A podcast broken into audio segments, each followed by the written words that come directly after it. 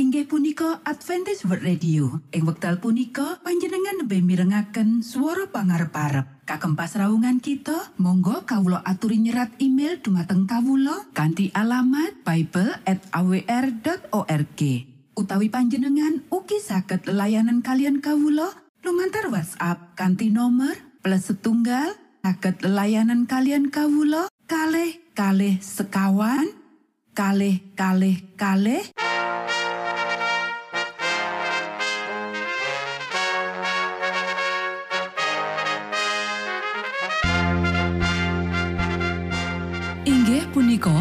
Adventist World Radio ingkang giaran kanti basa Jawi. Tentrem Rahayu kula aturaken kagem para mitra kinasih ing pundi papan lan panggonan. Sugeng pepanggian malih kalian Adventist World Radio. Kanti bingahing manah Kulo badi sesarengan kalian poro mitra kinasi. Lumantar saperangan adicara ingkang sampun rinonci. Mligi kagem panjenengan sami. Mugi giaran punika saged migunani tuwin dados berkah kagem kita sedoyo. Sugeng midhangetaken Gusti amberkahi.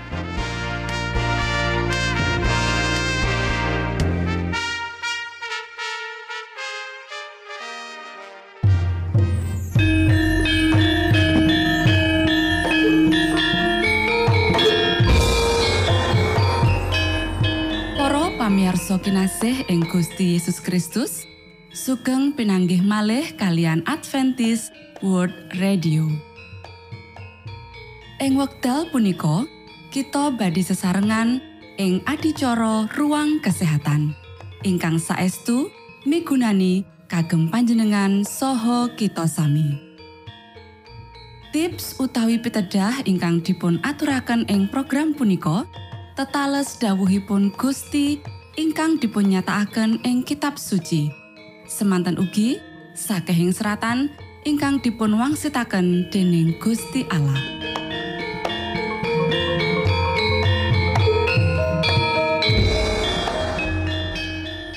Nanging saderengipun monggo kita sami midhangetaken kidung pujian.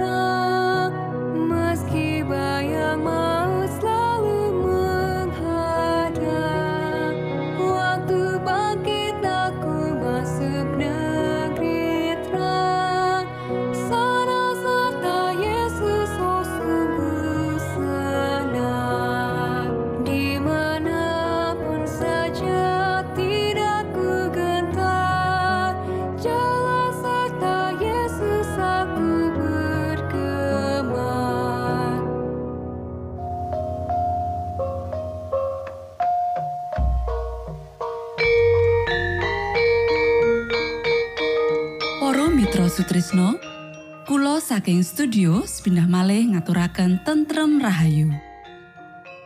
Puji syukur dumateng Gusti ingkang murbeng dumati, ingkang sampun kepareng paring wewenngan kagem kita. Satemah saged nglajengaken ruang kesehatan. Pirembakan kita semangke kanthi irah-irahan Kondo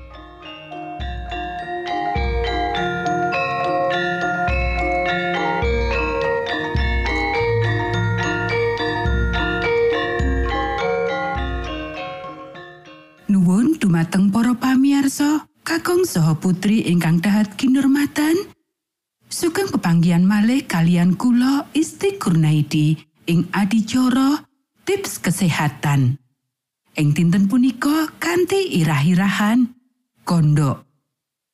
Para sedherek ingkang kinasih, tiroid ya iku kelenjar awujud kupu-kupu sing ana ing gulu sisih ngarep ing dhuwur balung selangka. Kadangkala kelenjar tiroid tuwa luwih gedhe tinimbang kahanan normal lan dadi sing diarani kondo. Sanajan kondo biasane ora krasa lara lan ora nyebabake gejala liyane. Kondok sing ukurane gedhe bisa katon kaya ana aboh ing gulu bagian ngisor lan bakal katon banget nalika wong lanang nyukur rambut utawa wong wadon lagi dandan. Menawa iki kedadean, biasane bisa nyebabake gejala kaya tenggorokan krasa kenceng, watuk, serak, angel nalika ngulu lan malah ana masalah ing ambekan. Para sederek, kelenjar tiroid ngasilake loro hormon sing ngatur suhu awak, detak jantung, spiro cepet awak ngowahi panganan dadi tenaga, lan spiro cepet awak ngasilake protein anyar. Hormon katelu sing diasilake dening tiroid biyantu ngatur jumlah kalsium ing getih kita. Menawa ana wong sing kena kondok, ora ateges kelenjar tiroid ora bisa makarya kanthi bener. Sanajan kelenjar tiroid saya gede, bisa uga ngasilake hormon sing normal.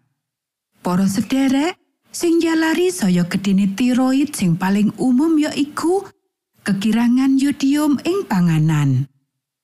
Yodium ditemokake ing banyu segara lan lemah ing saindenging segara ing donya. Lan yodium wigati banget kanggo ngasilake hormon tiroid. Wong-wong sing manggon ing desa utawa ing papan sing dhuwur asring ora entuk cukup yodium ing panganane. Lan ora sidik yen tiroide bakal saya gede kanggo upaya ngasilake hormon tiroid sing cukup. Ing pirang-pirang negara saiki, yodium asring ditambahake minangka tambahan ing uyah meja lan panganan liyane. Nanging kekurangan yodium isih umum ing Asia Tengah, pegunungan Andes ing Amerika Kidul lan Afrika Tengah. Kondok bisa nyerang sapa wae lan kapan wae. Sanajan luwih umum ing wong sing umure luwih saka 50 taun, kondok uga bisa dialami dening wong malah nalika lair. Lan sanajan kekirangan yodium minangka penyebab pinunjul kondok ing pirang-pirang panggonan ing donya, anane faktor liya uga bisa dadi penyebab. Para sedherek ingkang kinasih, kita katitahan kanthi sistem kekebalan sing canggih sing dirancang kanggo ngrusak protein sing ora disumurupi, kayata sing ditemokake ing bakteri lan virus sing nyerang awak kita. Kadangkala amarga macem-macem alasan, para ilmuwan ora bisa ngerti sistem kekebalan kapusan kanthi mikir menawa kelenjar tiroid minangka salah sawijining tempuhan barang kang ora disumurupi. Mula awak ngasilake antibodi kanggo nyoba mateni barang sing ora disumurupi iki, ya iku kelenjar tiroid dhewe. Kahanan iki disumurupi kanthi jeneng leloro Graves lan leloro Hashimoto. Wong sing nandang leloro iki duweni komponen genetik. Mula kahanan kasebut akeh-akeh kedadian ing keluarga. Lan menawa ing keluarga panjenengan ana sing nandang salah sawijining kelainan sistem kekebalan iki, resiko panjenengan kena kondok soyok dhuwur. Resiko panjenengan uga bakal saya tambah nalika panjenengan tambah sepuh. Yen panjenengan wong wadon, kemungkinan panjenengan kena kondok saya gede. Kok bisa kaya mangkene? Yo, iki keterangane. Kaya wong wadon, dudu wong lanang, bakal mbobot utawa wong wadon bakal menopause. Lan kenapa iki kedadian amarga alasan sing ora cedha? Semono uga katrangan kena apa wong wadon luwih gedhe resiko ngalami kondok.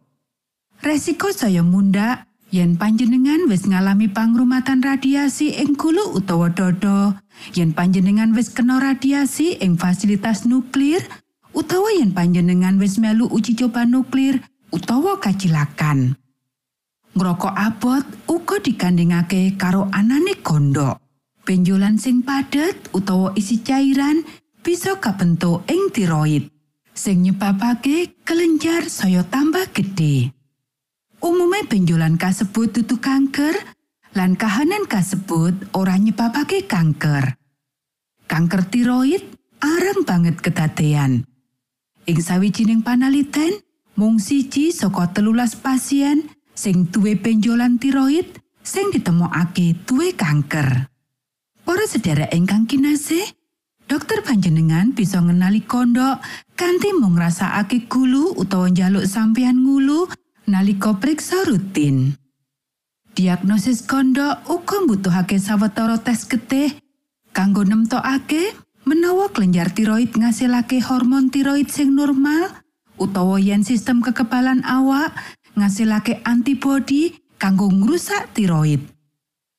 Diagnosis uga mbutuhake nitriprexo scan tiroid ing endi sawetara bahan radioaktif disuntikake menyang pembuluh darah. Lan kamera khusus ngasilake gambar kelenjar tiroid ing layar komputer. Menehi informasi babagan sifat lan ukuran tiroid panjenengan. Tes liyane sing bisa ditindakake yaiku USG. Ing endi piranti kaya tongkat diopahake ing gulu lan gelombang swara bentuk gambar ing layar komputer. Yen ana panggonan sing ora normal ditemokake, bagian saka panggonan sing ora normal bisa dicupuk kanggo titipreksa mikroskopis nggunakake tom cilik. Para sedherek ingkang kinasih, ngobati kondok kumantung saka ukurane, pratandha lan prakara sing nyebabake kelenjar tiroid saya gedhe. Kondok sing cilik, ora katon lan ora nyebabake gejala fisik, biasane ora mbutuhake pangrumatan. Kondok sing gedhe biasane bisa nggawe angel kanggo ambekan utawa ngulu. Lan uga bisa nimbulake gejala sing ganggu wiwit saka watuk, swara serak, bobot awak saya munda lan lemes. nganti bobot awak saya suto sing ora dikarepake lan ora bisa turu.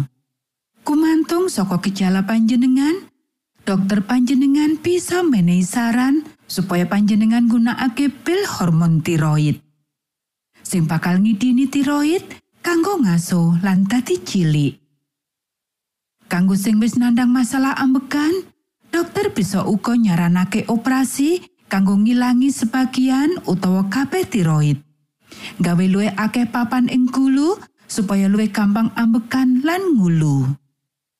Kanggo kanker tiroid, operasi uga bakal dianjurake. Ing sawetara kasus, yodium radioaktif bisa digunakake kanggo numpes sel tiroid iki dadi luwih cilik. Suplemen hormon tiroid bakal dibutuhake sak ceke urip.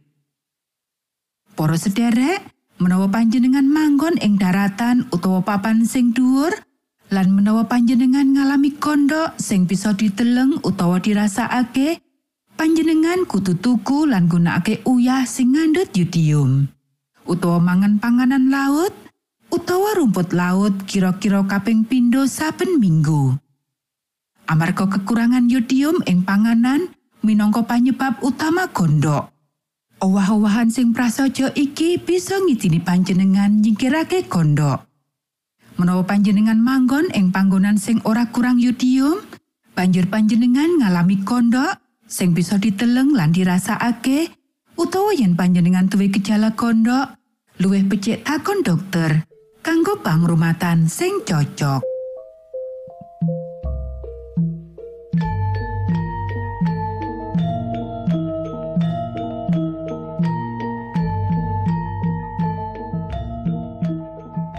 Cekap semanten pimbakan ruang kesehatan ing episode dinten punika.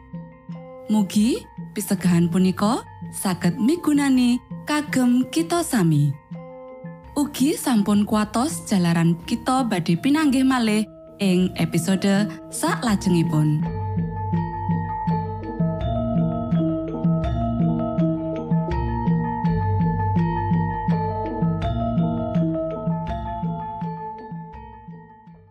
Inggih punika adicara ruang kesehatan.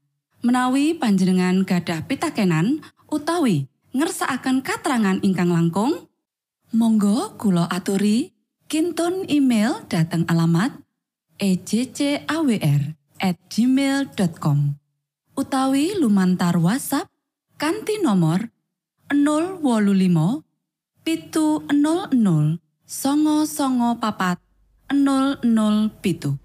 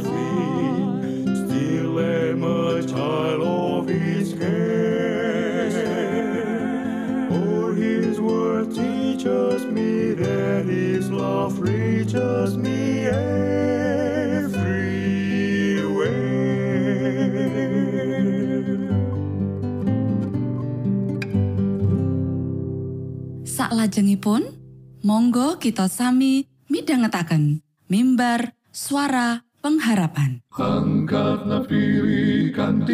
pawarto Sang Kristus paderamu Pro umat samyo puji asmanyo Sang Kristus paderamu Inggih punika mimbar suara pengharapan. Ing episode punika kanthi irah-irahan. Pantungo ingkang tegen sugeng minangka tondo Sang Kristus paderamu Ilmu kawero tambah tambah Sang Kristus paderamu Paderamu Paderamu Sang Kristus paderamu Shalom. Para pamirsa ingkang kinasih wonten ing Gusti Sak menika kita badhe midhangetaken renungan Sabto pangantikanipun Gusti.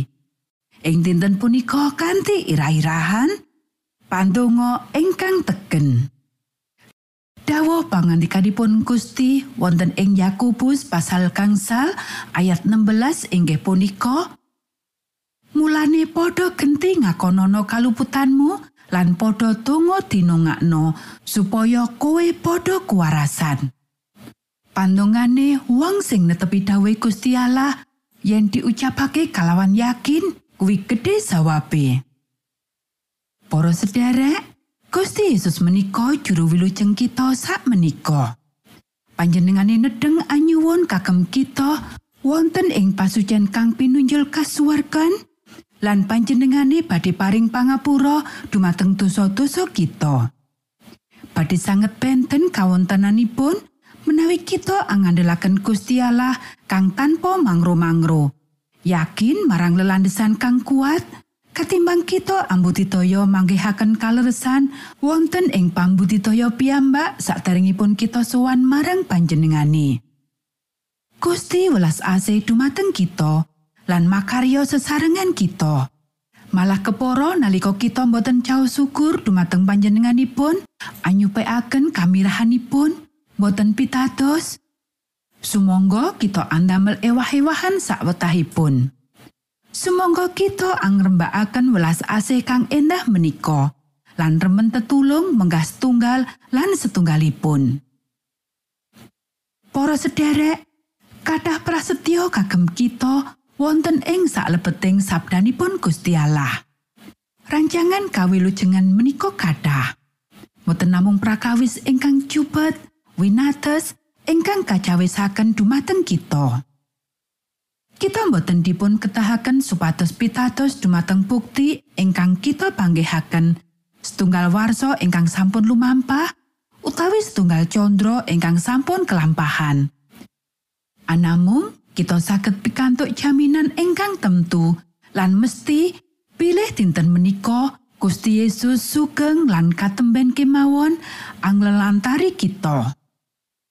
Menawi kita kasdu badhe anyegeraken tiang sanes, pramila kita piyambak ketah ngunjuk sumbering toya gesang ingkang datan saged aset menika. Kita anggadhahi wewenang maliki kagem tepang dumateng sumbering kegiatan kita. Anggujengi astanipun Gusti Allah. Menawi kita angersakaken pagesangan karohanen lan kakiatan, kita kedah rujuk dumateng Gusti Allah. Kita saged matur dumateng panjenenganipun prakawis kapektahan kita ingkang pranyata lan panyuwunan kang temen-temen badhe anedahaken bilih kita anglengganani kabutahan kita lan badhe anindakaken menapa kemawon ingkang saged katindakaken kagem paring wangsulan menggah pandonga-pandonga kita piyambak. Kita kedah miturut dawuhipun Paulus. Tangio saka pepati lan Sang Kristus badhe paring pepadang marang sira. Martin Luther inggih menika tiang kentur ing pandonga. Panjenenganipun makarya lan ndedonga kados-kados prakawis ingkang kedah dipun tindakaken. Pandonga-pandonganipun kadherekaken kanthi aneliti prajanjenipun Gusti Allah. Lan awit pitulunganipun Gusti, panjenenganipun kuwawi anggonjing panguwaos ageng ing Rom satemah ing sedaya negeri landesan pasamuanipun gonjang ganjing. Para sederek, Gusti Allah makarya sesarengan kalian juru karya kuli kang andhap asor kang lerem ana ing Sang Kristus lan rujuk dumateng panjenenganipun. Ndedonga nalika kowe ketiban kuciwa. Tutupen ladimu kanthi rapet marang wong liya. Simpenen dhewe kabeh kuciwamu. Yen ora mangkono, kowe bakal nyebar pepeteng ing dalaning wong liya. Ananging aturno kabeh kuwi marang Gusti Yesus. Nyuwuna ati kang andhap asor, kawicaksanan, kekendelan, tuhing pracaya, satemah sira bisa mirsani pepadang ing salebeting sunaripun lan pikantuk kabagian wonten ing welas asihipun. Percaya wae lan sira mesti bakal mirsani kawilujengan saking Gusti Allah. Monggo kita sami ndedonga. Duh Rama kawula ingkang wonten ing swarga, asma patuko mugi kasucikaken. Kraton patuko mugi rawuh. Karso patuko mugi kalampahan wonten ing bumi kados dene wonten ing swarga. Kawula mugi kaparingan rejeki kawula sak cekapipun ing dinten punika. Saha patuko mugi ngapunten kalebatan kawula kados dene kawula inggih ngapunteni tetiang ingkang kalepatan dhateng kawula. Punapa dene kawula mugi sampun ngantos katantukaken dhateng ing panggoda nanging mugi sami patuko uwalaken saking piawon. Awit dene patuko ingkang kagungan kraton saha wisesa tuwin kamulyan salami laminipun. Amin.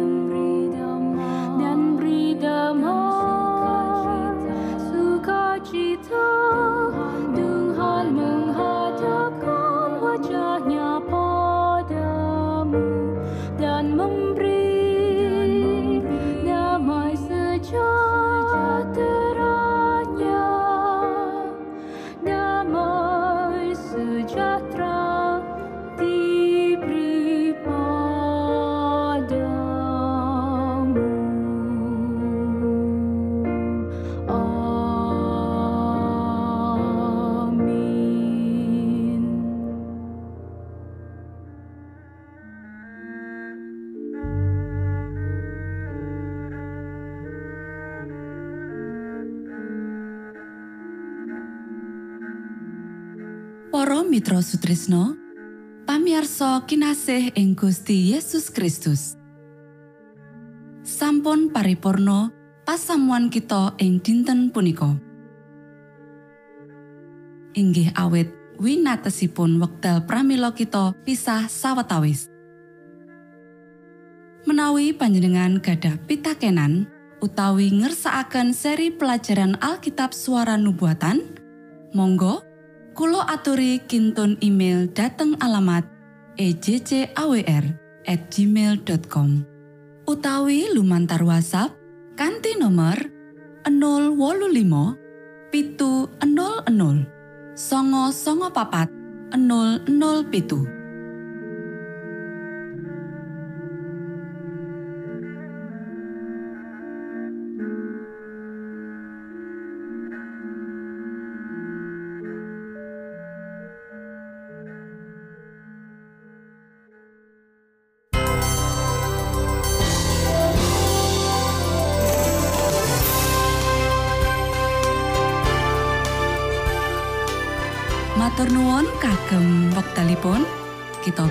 pinanggih malih ing gelombang ugi wekdal ingkang sami.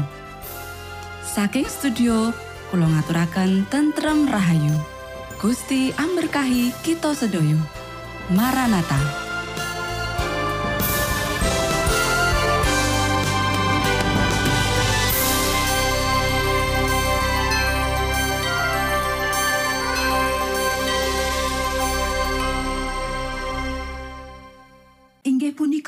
Adventist World Radio. Ing wekdal punika panjenengan lebih mirengaken suara pangarep-arep. Kagem pasraungan kita, monggo kawula aturi nyerat email dumateng kawula kanthi alamat bible@awr.org.